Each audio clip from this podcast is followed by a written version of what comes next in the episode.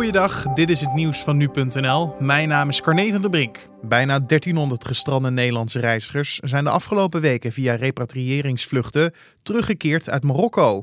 Ruim duizend Nederlanders wachten nog op een speciale terugvlucht. Dat schrijft minister Stef Blok van Buitenlandse Zaken in een brief aan de Tweede Kamer.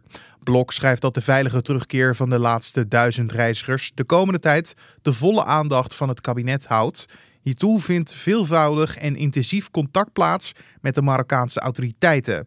De reden dat zoveel Nederlanders vastkwamen te zitten in Marokko is dat het Noord-Afrikaanse land vergaande maatregelen nam om het coronavirus tegen te gaan. Estland, Letland en Litouwen hebben hun grenzen geopend voor reisverkeer binnen het gebied.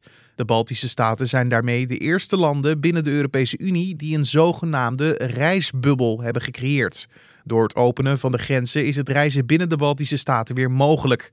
Reizigers die van buiten het gebied komen, moeten nog wel 14 dagen in isolatie verblijven. De landen hebben hiertoe besloten omdat ze ongeveer in dezelfde fase zitten. Eind april werden de lockdowns in de landen al opgeheven en het aantal nieuwe besmettingen is stabiel laag.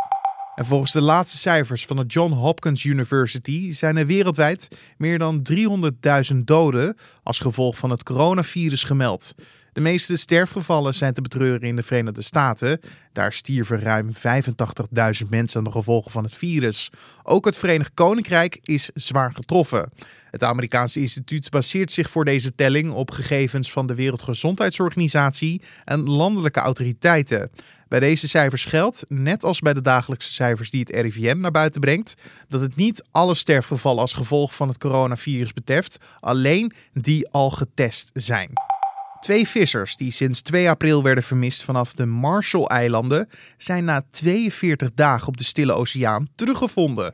De mannen meerden zo'n 1600 kilometer verderop aan op een klein eiland. Dat schrijft de New Zealand Herald. Volgens de staatssecretaris-generaal van de Marshall-eilanden waren de vissers mager en zo zwak als je zou verwachten na 40 dagen op zee. De twee maakten deel uit van een groep van drie vissers. De mannen raakten vermist nadat ze motorpech kregen nabij de eilandgroep in de Stille Oceaan.